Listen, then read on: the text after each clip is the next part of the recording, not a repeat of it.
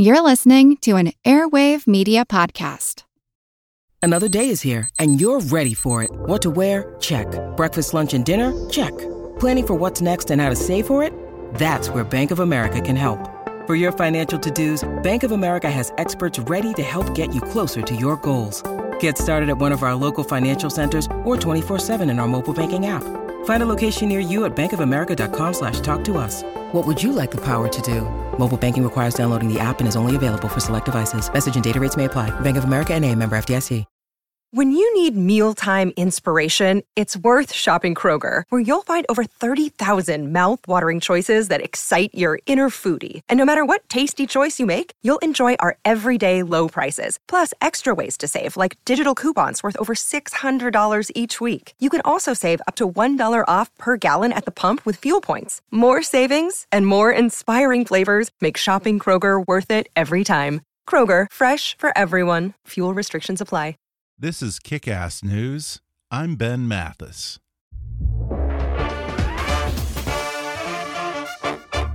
I want to tell you about a great new podcast called Outside the Box. If you're a maker, an innovator, or even just a consumer who wants to peek behind the curtain of some of the world's greatest organizations, you'll love it.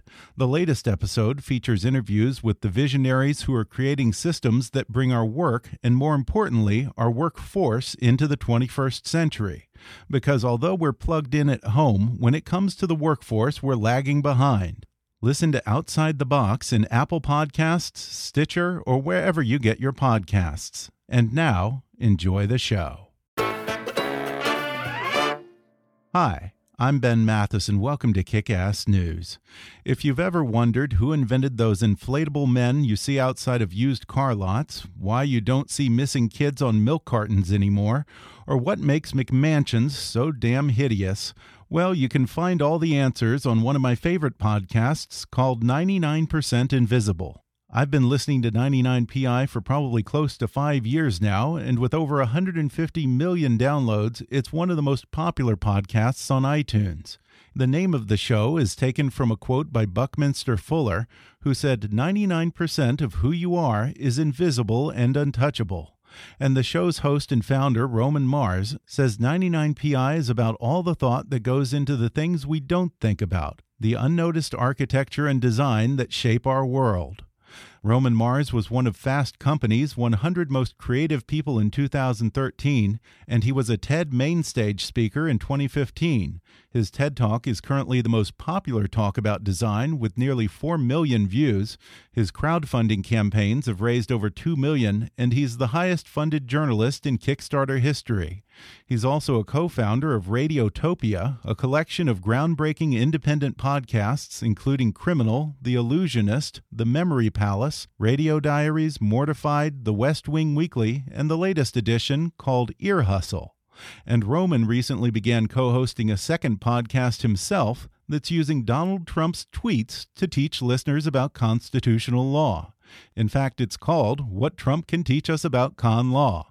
Today we'll talk about that show and 99% Invisible, as well as the origins of Roman's love for design, and in particular, his fascination with the easily overlooked elements in the everyday designed environment. Roman shares his hatred of ugly city flags and waxes about the simple perfection of an old fashioned toaster. Plus, he weighs in from a design perspective on Donald Trump's buildings, his long ties, those red trucker hats, and more coming up with 99PI's Roman Mars in just a moment.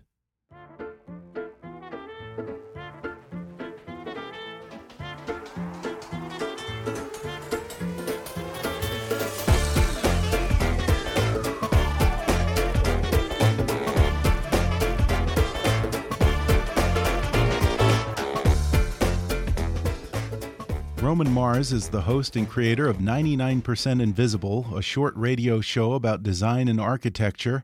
With over 190 million downloads, 99% Invisible podcast is one of the most popular podcasts in the world. Fast Company named him one of the 100 most creative people in 2013. He was a TED main stage speaker in 2015, and his TED Talk is currently the most popular TED Talk about design with nearly 4 million views. He's also the co founder of Radiotopia, a collective of groundbreaking independent podcasts, including, among others, Criminal, The Allusionist, The Memory Palace, West Wing Weekly, the new podcast Ear Hustle, and Roman's own new venture called What Trump Can Teach Us About Con Law. Roman, thanks for coming on the podcast. Thanks so much for having me. I really appreciate it. Well, I've been listening to 99% Invisible for, gosh, probably at least three or four years now. In fact, I would say that you're one of the reasons I got into podcasting myself. Oh, um, wow. Thank you so much. It, you tell these wonderful little stories that somehow relate to design. For anyone who hasn't listened, it, it covers the often overlooked aspects of the built environment, not just strictly architecture. Give us just quickly a few examples of 99PI stories.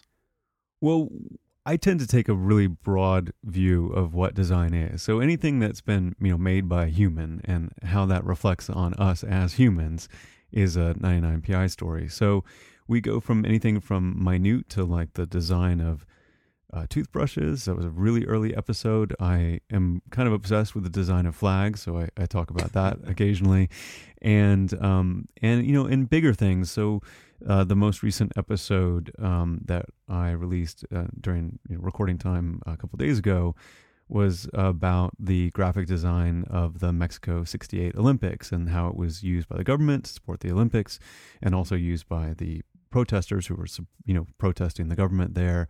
And so it's a it the way into the story is a design thing, but usually it broadens out very wide to tell you a bigger story about the world we live in and the world that you know we make as humans collectively. Um, having listened for a few years, I was surprised to read that you didn't come from an architecture or a graphic design background or even a broadcasting background. Um, you actually graduated with a PhD in genetics how did your path lead you to radio and then, of course, I guess podcasting? I guess I should just correct that I didn't actually get my PhD. I got pretty okay. far into it, but um, I didn't finish my thesis. And so, you know, I was one of these people that I I fell in love with science really early on. I, I love science, still do. And by the time I got to being, all my classes were done and I was becoming a research scientist uh, proper and I didn't teach anymore and all that sort of stuff, I realized that I loved really just learning things new every day. And I wasn't really cut out to be the, you know, the type of scientist I wanted to be. And one of the things that I loved was radio. I love listening to public radio. I listen to public radio all the time in the lab.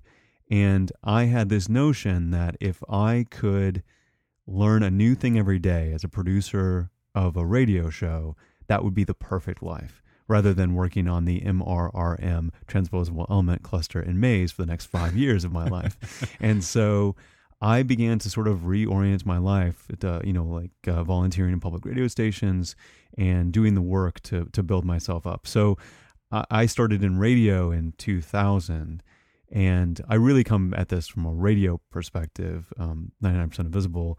The design part of it came kind of later. I'm just the type of person who I like architecture tours, I like buildings. I didn't have uh, any training in it whatsoever, uh, which I think served the show pretty well, actually, because uh, I don't assume you know the audience knows anything because I usually don't know anything when we start. Uh, I become an expert in it in a you know in a few weeks or uh, you know an expert for at least um, 20 minutes. And um, and that's how the show kind of functions. So i mean that's the beauty of journalism is that you get a new thing all the time. You you you spin up on it. You try to get as uh, as much control of the subject as you possibly can and then you get to express your excitement about it as a as a newcomer to uh, a bunch of people and uh, I think that's kind of how it works. What was the first moment when you really got interested in design? Well, I was working in radio at WBEZ in Chicago, and there, if you're not moved by the architecture of Chicago, you, are not like a human I can relate to all that well. and so I used to go on this architecture boat tour by the Chicago Architecture Foundation. And it was life changing. Like hearing all the stories uh, about the buildings and, and why they were the way they were, and all the history there that's in, embedded in these massive objects. And and the history was even bigger than the objects themselves, even though the buildings were huge. You know that there was a a huge ninety nine percent invisible part of what that building represented. And that was the first time that I thought the way that you know I began to consume stories of architecture, I began to think it is possible to tell a story about a designed and therefore rather visual object in a format that didn't have visuals. Like I enjoyed the fact that it was relying on the story of the thing rather than rather than the aesthetics of the thing, and that that was the secret to making um, a good show that told people a different way to appreciate the design of things rather than just the way they look. Yeah, it is sort of ironic that you're exploring design and architecture through an entirely auditory medium. but I, I, I, I, do appreciate what you're doing here because it takes design beyond something that's merely observed to something that has a story behind it. I'll tell you, I never had any appreciation for fresh asphalt until I listened to you. That's right. What I find, I think, most appealing about 99% is you don't do a lot of stories on the obvious design masterpieces like, say, the Guggenheim or the Nike swoosh. Often it's a story that gets the listener to reconsider something incredibly mundane in their everyday life. Yeah, that's that's kind of part of the, our mandate. I mean, there's a fair amount of design criticism in the world and design journalism. A lot of it happens online. I, I think that design awareness is at an all time high. So there's now people that you can argue about fonts on movie posters with people online all day long. like there's lots of people who are really aware of this.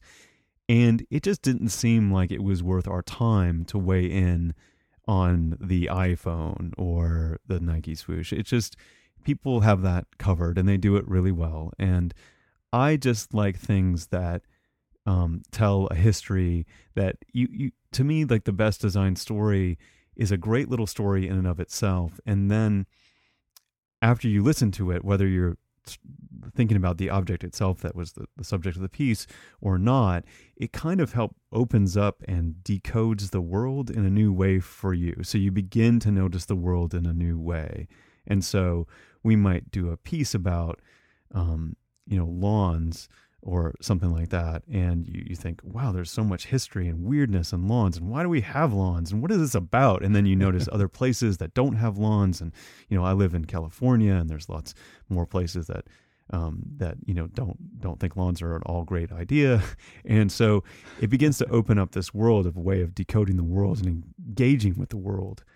Excuse me. And um and that's kind of the perfect quintessential 99 PI story is to is to take something mundane and and give it a little bit of this uh, magic, so you can recognize, you know, kind of all the thought that went into it, and and there's something about that that I find very seductive. The way that you can notice um, that people were thinking about things that you engage with every day and maybe ignore gives me a lot of comfort that there's smart people looking out for me even in ways that I do not notice most of the time.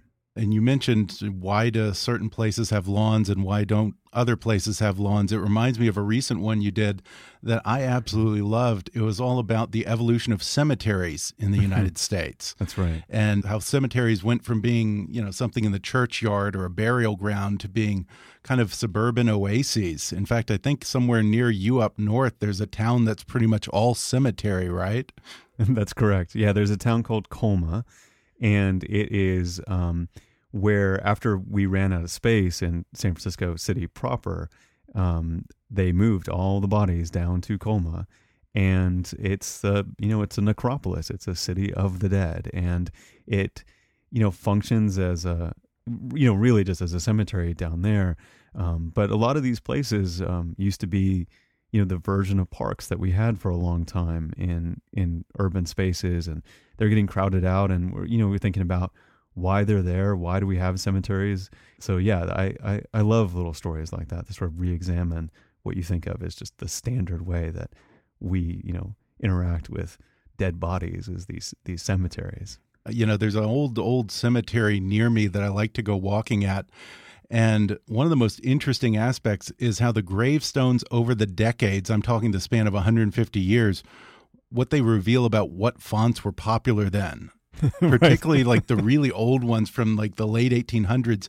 They have these very theatrical fonts, like something you might see on the poster of a Buffalo Bills Wild West show back in those days. Right. Yeah, and then a lot of it has to do with fashion, and some of it has to do with technology. I mean, so mm -hmm. originally stonemasons, you know, carved those things out, and now they put down a little. They you know they put a thing on a computer. They put it down on the piece of stone, and then uh, you know, a sandblaster makes it. So now you can get these really clean, clear sans serif fonts that um, look really different than the ones that uh, we did uh, uh even, uh, even only a few decades ago. And so, uh, so yeah, though, you know, yeah. that I'd love all the different influences that make a thing the way it is. And it's not always just, um, you know, uh, aesthetic taste. It's like, what's possible? What isn't possible anymore? What, you know, like, because I guarantee most by far, uh, gravestones are not hand chiseled anymore. so, but I bet you there's some that you can find in that uh, cemetery that you like to walk around in that that were. Well, it's sort of a double edged sword listening to your podcast because nowadays I observe so much more about my environment, but I also drive my girlfriend crazy sometimes because we'll be driving along and I see something that's just an example of terrible design, poorly thought out, you know, creates more problems than it solves. And I go into this extended rant. If I'm like that, your wife must think that you're completely insufferable at times i guess. I mean it, yeah. I mean in the i can definitely go through the world nitpicking and but more more and more i think the reason why i wanted to to do the show the way it is is that i wanted to talk about the 99% invisible part of design which tends to be the good parts the the bad parts you notice the bad parts of design you pick up on you um, you know you you yell at the person who made it the good parts of the design work so well that for the most part you just think of them as you know the way the things are should be and you don't appreciate the design that goes into it and so the way that I've sort of reoriented myself in the past you know 7 years since I've done the show is um is really in that direction. So I tend to be a little more delightful to be around because I'm, you know, I, I, I have this sort of optimistic, uh, you know, uh, view of the world when I when I notice the good things in in the world. But yeah, I can totally, you know, uh, I can totally complain about a bad design all day long. I you know, in particular, I I complain about flag designs a lot. I complain about um, doors that I don't like. You know, any any number of things like that. I I I can I can certainly go on a, a rant about uh, a lot of things. Yeah, you even gave a TED talk about flags that actually inspired the city of Pocatello, Idaho, to ask you to help redesign yeah. their flag. Uh, what is it about city flags? Why are they such an abomination? Yeah, yeah. We so I had uh, I, I had, like I said I'd lived in Chicago, and Chicago has this beautiful city flag, and it's used everywhere. And then I moved back to San Francisco um, I had lived here for a long time and then moved to Chicago, moved back. And I wondered, like, why had I never seen a San Francisco flag before? And why is like Chicago the only one with a flag? And uh, I learned that most cities have flags. And the reason why, you know, I hypothesize that they're not used all that much is because they're uh, they're ugly and people don't want to fly them. People don't know about them, and they know there's no effort by the uh, you know by the city to to you know put them out in the world. And sure enough, when I started researching it, I started to realize that, yeah, there's a lot of ugly flags. And so this became a, a story that I revisited a lot. And when uh, the TED Talk people uh, asked me to do something, I, I began with this, uh, you know, this notion that I should do something about my grand unified theory of design. And I wrote a couple of like, um, you know, bits of talks and I tried them in places when I would do live events and when I would do lectures and nothing really felt right. So I went back to them and I said, I know this is not very big. I know this is not very like TED to me um, or my impression of them. But what do you think if I did this, uh, this talk about just about the design of city flags? And they immediately, to their credit, said, um, I can tell by the tone of your voice, you should totally do that talk. And and I realized that I was just kind of tripping myself up about what a TED talk meant and it had to be big and had to represent everything I thought about things and realized that um, if they would give me the platform for 17 minutes to talk about my annoyance with ugly city flags, uh, it would be a glorious thing. And so since that, that um, TED talk went out, there's been over 80 redesigns of flags, uh, local Really? municipal flags in different sort of stages. I don't tend to get involved with the flag designs just because they can get kind of heated in weird ways, you know, and it's sort of not my place to say your flag is ugly for these reasons and should make it better for these other reasons. Um, City flags almost kind of remind me of political conventions when each state gets up there and they have their little moment in the spotlight and they want to deliver a laundry list of information about that state before they get to actually nominating a candidate. It's a little bit like that, right? A lot of times they want Yeah. to cram every symbol they can into a flag and words and everything. It's totally true. That's exactly the impulse. They they want something that represents them, and so they put everything in, and nobody gets left out. And they tend to put a lot of like city seals, which have that kind Yeah. of quality. You know, these you know bales of hay and a tractor and a you know like a smokestack to show industry, and and they tend to put those on the flags because they feel like those represent it. But it's so much nicer. Like the city of Chicago has, you know, two hor- two horizontal blue stripes and uh, four six pointed red stars that are really like really sharp red stars that you don't see uh, in other flags. And it's just a beautiful thing. And it i just wanted to people to to put that idea first of like belonging to your city.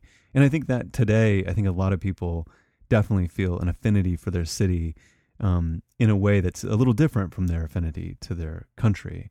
And um, and it's nice to have something else to represent your civic pride. And i just love that stuff What are some of your other design pet peeves? Pet peeves. Well, I mean, we've talked about uh, doors, you know, doors that don't work because they don't give the cues that indicate whether or not you push or pull them. It's really irritating to me.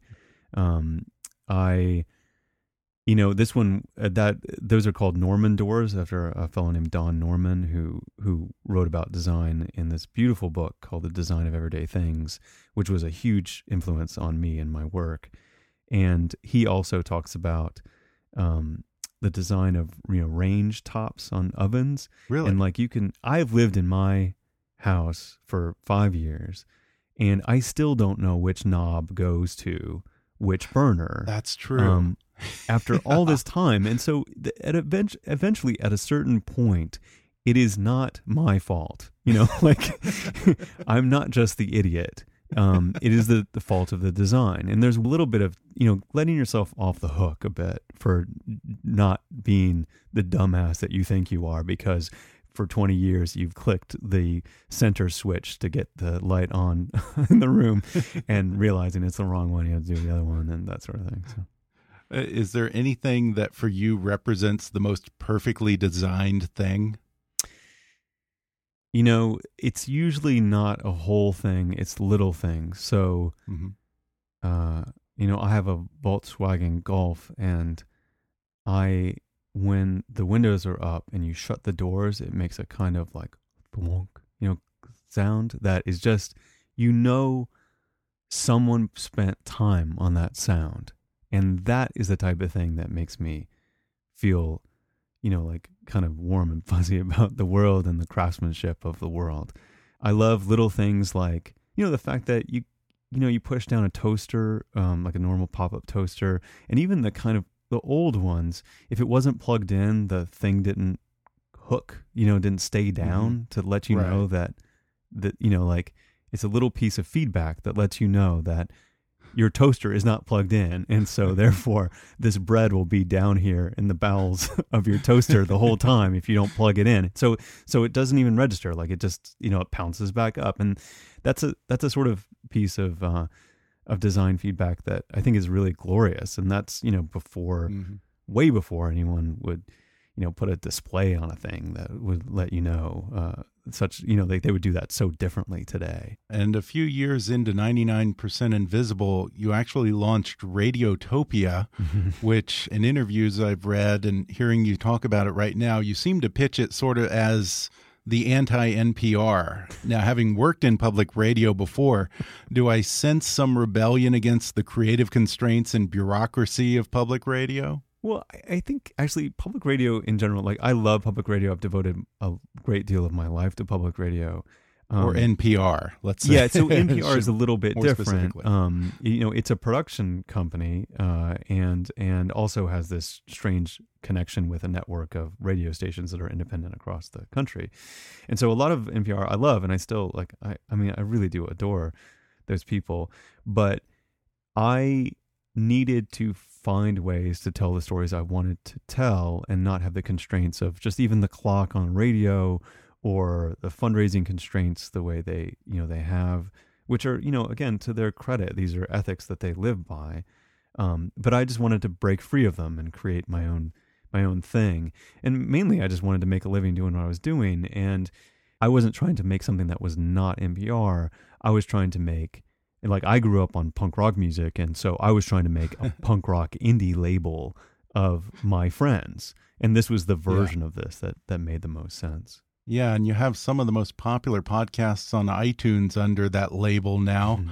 Um, a good example is the new Radiotopia podcast, Ear Hustle, which Yeah. is actually recorded and I think produced in or by the inmates at San Quentin State Prison. That's correct. How did that project come about?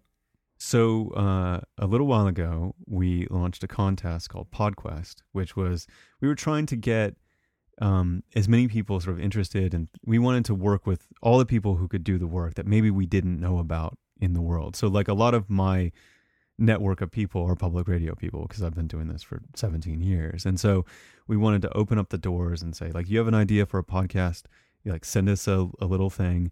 In the end of it, we got to this you know, this podcast called Ear Hustle, which it was like nothing we'd ever heard before. It was made by inmates at San Quentin. That was voices we hadn't heard before. They were um, doing really, really cool stuff, and it was so compelling that we just wanted to learn more. And so, the team at Radiotopia um, really sort of ushered that into uh, existence and, and released it. And uh, it, it really has the story of it is so great that it's really captured the imagination of a lot of people. So it's currently like number one in the country and it's on TV all the time. And the, the team there and the team in Radiotopia worked really, really hard on that. I'm super proud of them.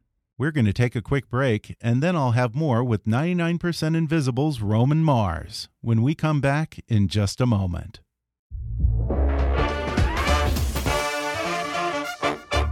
When severe weather hits, a forecast on your phone just doesn't cut it. You need to know what to do, how to stay safe, and what to expect next. You need the Weather Channel, the nation's most trusted source for severe weather coverage. They go beyond maps and apps with weather experts on the front lines of the storm. The Weather Channel meteorologists make sure you understand the why behind the weather and what steps you need to take to stay safe. And the Weather Channel is exploring our atmosphere like never before. They're leading the way with the use of real time augmented reality, allowing you to see inside a hurricane, the potential threats of storm surge, or even taking you on a virtual tour inside a tornado. You've never seen weather like this before, and understanding our atmosphere is the best way to prepare for severe weather. Every season, every storm, every time you watch, trust the Weather Channel. You also have a new podcast of your own called What Trump Can Teach Us About Con Law that you co host with a constitutional law professor at UC Davis named Elizabeth Joh. This is a bit of a departure for you. How did this idea evolve? You know, this was uh, pretty simple. I mean, I was uh, in February, there was all these executive orders from Trump, and it was just constant news, constant, and I couldn't really get a grasp of it or make sense of it in the form, you know, like in terms of history and what this all meant. And uh, a fellow parent at the school that my, my kids go to, um, Elizabeth Joh, she's on Twitter a lot. She would uh, put out these tweets about about Trump, and she would, you know, like put them in context of constitutional law, and I found it really, really fascinating. And so I had uh, a coffee with her, and we talked about it. And I just like, well, let, let's just meet every week, and let's just see if we can find a way to teach people kind of evergreen lessons about the Constitution through the tweets of of Trump. I just talked to her. I cut it together. Um, we put it out. It's super simple, and it just scratches this itch in me to learn more about the Constitution when everyone's talking about all these new things that they never talked about before. They never, no one ever talked about the emoluments clause of the Constitution before Trump Yeah. came Yeah. into power. You know, like like these types of things have never come up before in you know years and years of teaching con law, and and so it's fun to look at these little dusty corners of the Constitution and think about what you know the framers were you know were considering when they were creating it and how it sort of moves against sort of modern times and it's not so much you know a lot of people you know have said to me that there's been constitutional overreach for you know for a long time and uh, and executive orders that you could talk about but what we have now in Trump is uh, a window into his mind through these tweets which is uh, Mhm. totally new and it allows you to look at what the Constitution says about the things that he asserts in new ways. And so it's really fun. I don't know anything about it. I'm totally a student of this, and she's my teacher, and I just have a ball doing it. It's it's like it's like starting like like seven years ago when I started 99 PI on my own. It's it it just feels really fun. yeah, and you know, I'm always amazed when, you know, you see these guys who go around with a copy of the Constitution in their back pocket, part of the Tea Party and all that, and then suddenly they just seem completely unfazed when the President of the United States starts talking about curbing freedom of the press and freedom of speech and trying to tell judges what to do. exactly. I think that's a little bit. I think a little bit of this um, is this reclamation of what America is, and um, and that the Constitution is for all of us. And for a while, it was sort of owned by a side of um, of Mhm. people who who sort of were literalists to the Constitution, and and then you know in in the, the notion of a certain notion of America, and I I never bought that, and so I like this. I like using it as a tool. Like it's not you know like i it's it's it's not meant to be aggressively partisan even though i Right. i mean i can't help it i am who i am and i'm not a supporter but you know it is meant to be to take you know the, all this news and anxiety and use it to channel it into something positive. positive and to me learning about the constitution is something extremely positive and it's super fun and i love the old supreme court cases that uh, that you know sort of interpret the Constitution, and it's just it's a new way to it's just telling stories, and there's great stories in there. it doesn't feel egregiously partisan, even though, mm. of course, you have a point of view, because you're really just using current events as a doorway to a larger discussion about the Constitution. Absolutely, we we really just get started with like this notion of like okay, so Trump said he wants to cut off funds to sanctuary cities, and then go okay, so what does the Constitution say about the federal government imposing restrictions on how people use money and when they can withhold things and when they can't and you know all that sort of thing. And it, so it goes back in time really quickly. It just uses the current events as a sort of jumping off point to make us understand a little bit more of what's going on and sort of contextually. And you know we have a good amount of history and a lot of people writing about these things and it's really fun to uh, to to sort of think about what they might have to say about this stuff Uh, are you going to have an episode covering executive orders coming up? Well, I mean, we tend to cover the specific executive orders rather than the whole notion of executive orders. Um, but it's um, so yeah. I mean, most the most recent one uh, is about as a reaction to an executive order, but I, I haven't Right. covered that exactly. I can't even tell you. The thing is, is like you know, it it sort of comes in. It comes like I began when I was piloting it and trying to figure out what I was going to do with the show. We recorded a bunch of them and, I cut them together and see how they felt. But it's so crazy and erratic right now that nothing we recorded two weeks ago applies today. So, so I can't work ahead. Um, we recorded an emoluments clause one, and then you know, like Maryland and D.C., you know, sued, and this group of uh, Democrats are suing the president, and who knows if they even have standing to sue the president. And we should probably talk about standing at some point, and about the, the violation of the emoluments clause, and and like so, all of it had to be just thrown out, and we're gonna you know redo it tomorrow. um, so uh, you know, I never know exactly what we're gonna talk about because uh, there's a new weird moment in that that um, it, it's going to take a lot of historians to pick apart all the stuff that's going on right now. Yeah, I mean, it must be a little bit exhausting because you're really kind of dealing with a moving target. You know, one week you think you're yeah. you're dealing with the craziest thing you've ever seen, and then the next week it's been topped it's, exponentially. Oh, it's, it's totally true. It's totally true. I mean, the the the good the good news is that for the most part, we just need to use them as a jumping off point to get back mm -hmm. into like an evergreen story about explaining the Constitution. But it is sort of you know, like I have to put all these addendums always in because something has changed a little bit just to recognize what what has happened so we don't sound like we're dumb, you know, because some new thing happened, you know. Have you had any listeners say, whoa, whoa, whoa, design boy, stick to architecture, stay out of politics? I mean, for the most part, people have been uh, pretty good. There's a few people who, like, I released you know the first episode on the 99pi feed because you know I that's I have an outlet of people who download a bunch of episodes. So like you know to let them know this new project I was doing, and a few people said you know I come to you to not hear politics specifically, and I you know and it's like I understand and I'm sympathetic to that, and you know I take donations, and so these people are my partners in making this thing, and and so I'm sensitive to that, but you know, I'm a person who lives in this world and, you know, and I like to, you know, this was a thing that was really bugging me. And the way that I create, you know, my form of art is that I recognize that maybe I can make a universal broadcastable version of my own anxieties and loves and, you know, mm-hmm. fears and, you know, things that I find interesting. And this was just a thing I found so overwhelmingly interesting that even though I work all the time. I have no business creating another show. Um, yeah. I couldn't help but create it. And so I couldn't help but share it. And, you know, we brought a bunch of people over with us and they seemed to appreciate it. But, you know, we'll lose a few because, you know, that that's just the the way it is. But I if I could help it, I would because it's a it was a huge yeah. mistake to create a second show. have you been on the receiving end of a lot of social media trolling from the Trump people? Nah. No, because I mean, you know, I could and it might happen, but right now, if anyone listens to the show, the tone of the show is about the joy of learning things, and it is not about just bashing Trump.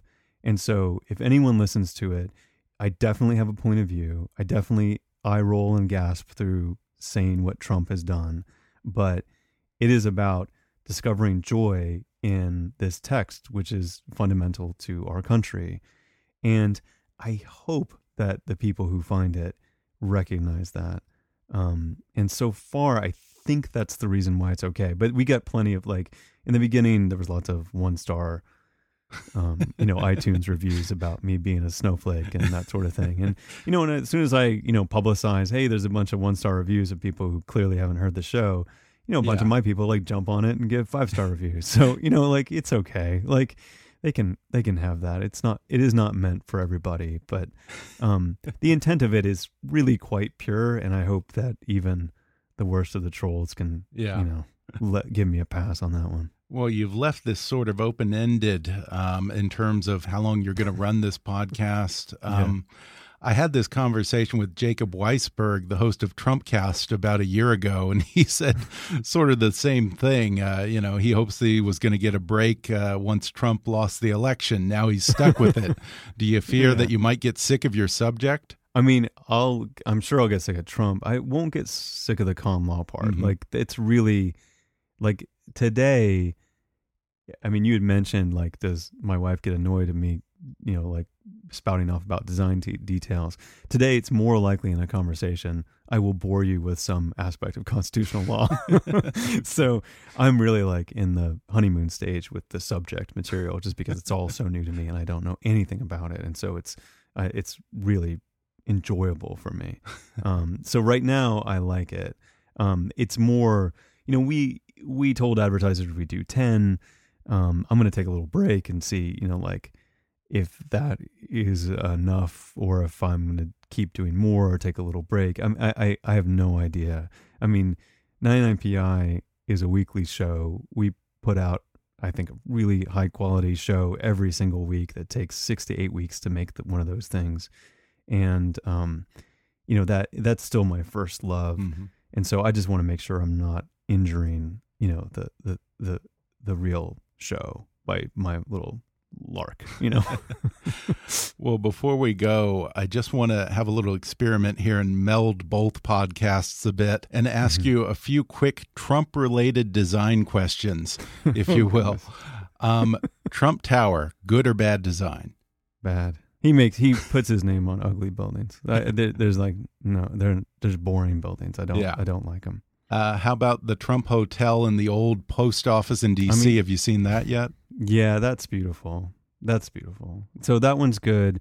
The uh, 40 Manhattan, which he owns, um, is also it was one of the early tall skyscrapers in the skyscraper race of the early 20th century between it and the you know Chrysler Building.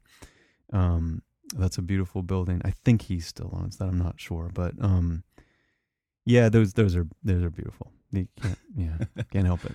Uh, how about his extra long ties? Bad or good design? Hey, oh God, that is enough for make. I like the fact that he got elected just with the tie thing would have stopped me from voting for him. I swear, I can't. I don't understand it. I don't understand his. Like, I'm a person who I love suits. I buy suits all the time. You know, like he's a rich guy. You know, he could totally get beautifully made suit that fits him, and I don't understand it for the life of me. The what in his I I, I just don't get it. How about the Trump hat? Make America Hate great it. again. I mean, I recognize it. it. It's a very good piece of design. It does not work on me personally, but it clearly worked as an icon. And um, and I had Michael Bierut on the show, um, who's a brilliant graphic designer, talk about its its merits and how you wear it and how it becomes part of your identity in this way that's really really powerful. And it's sort of it's all caps so it's kind of shouting at you and it's red and you, you can recognize it from like yeah. you know 500 paces. And in that sense it's a really brilliant piece of design um, that i think almost is effective because it is ugly if, if you get my meaning. yeah. Like it yeah. is a thumb in the eye yeah.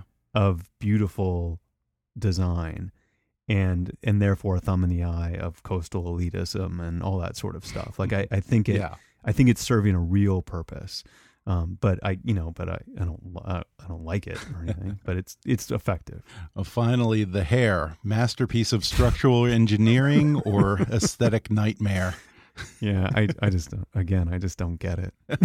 I just it's you know like I don't I, I don't sure. take a lot of uh, joy in making fun of people the way that they look or anything like that. I just like it it it calls attention to itself in really weird ways. We we actually did think about like the you know like my the tile for what Trump can teach about what Trump can teach us about con law, like in the iTunes store, like what the oh, logo oh, yeah. is. there was a there was a notion of like, well, maybe this shouldn't be words this should be a graphic and and and that leads it to like okay so you're gonna put a trump hair face thing and and i just didn't want it you know yeah. i kind of i don't want to see it anymore i i don't yeah. i have no interest in in uh, engaging with his aesthetics or his voice or anything like that. It just it's really not doesn't work for me yeah. as a brand.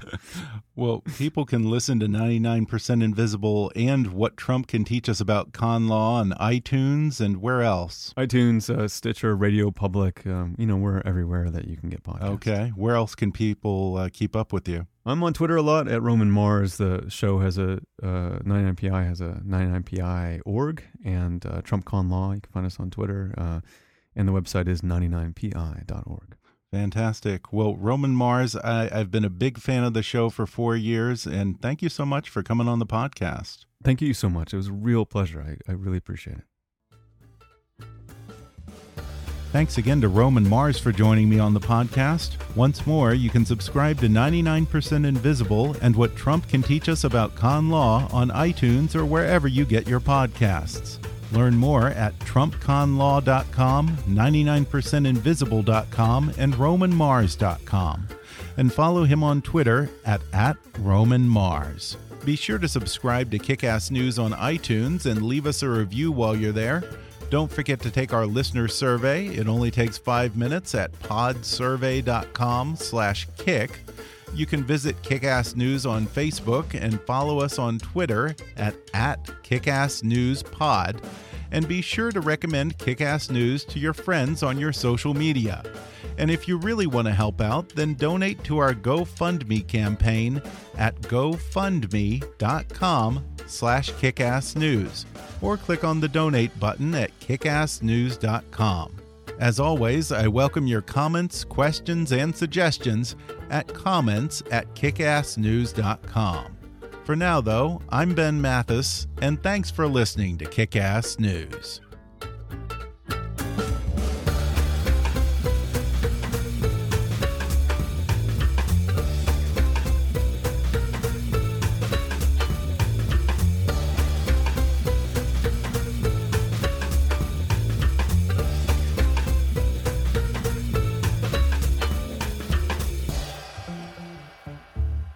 Kick Ass News is a trademark of Mathis Entertainment, Inc.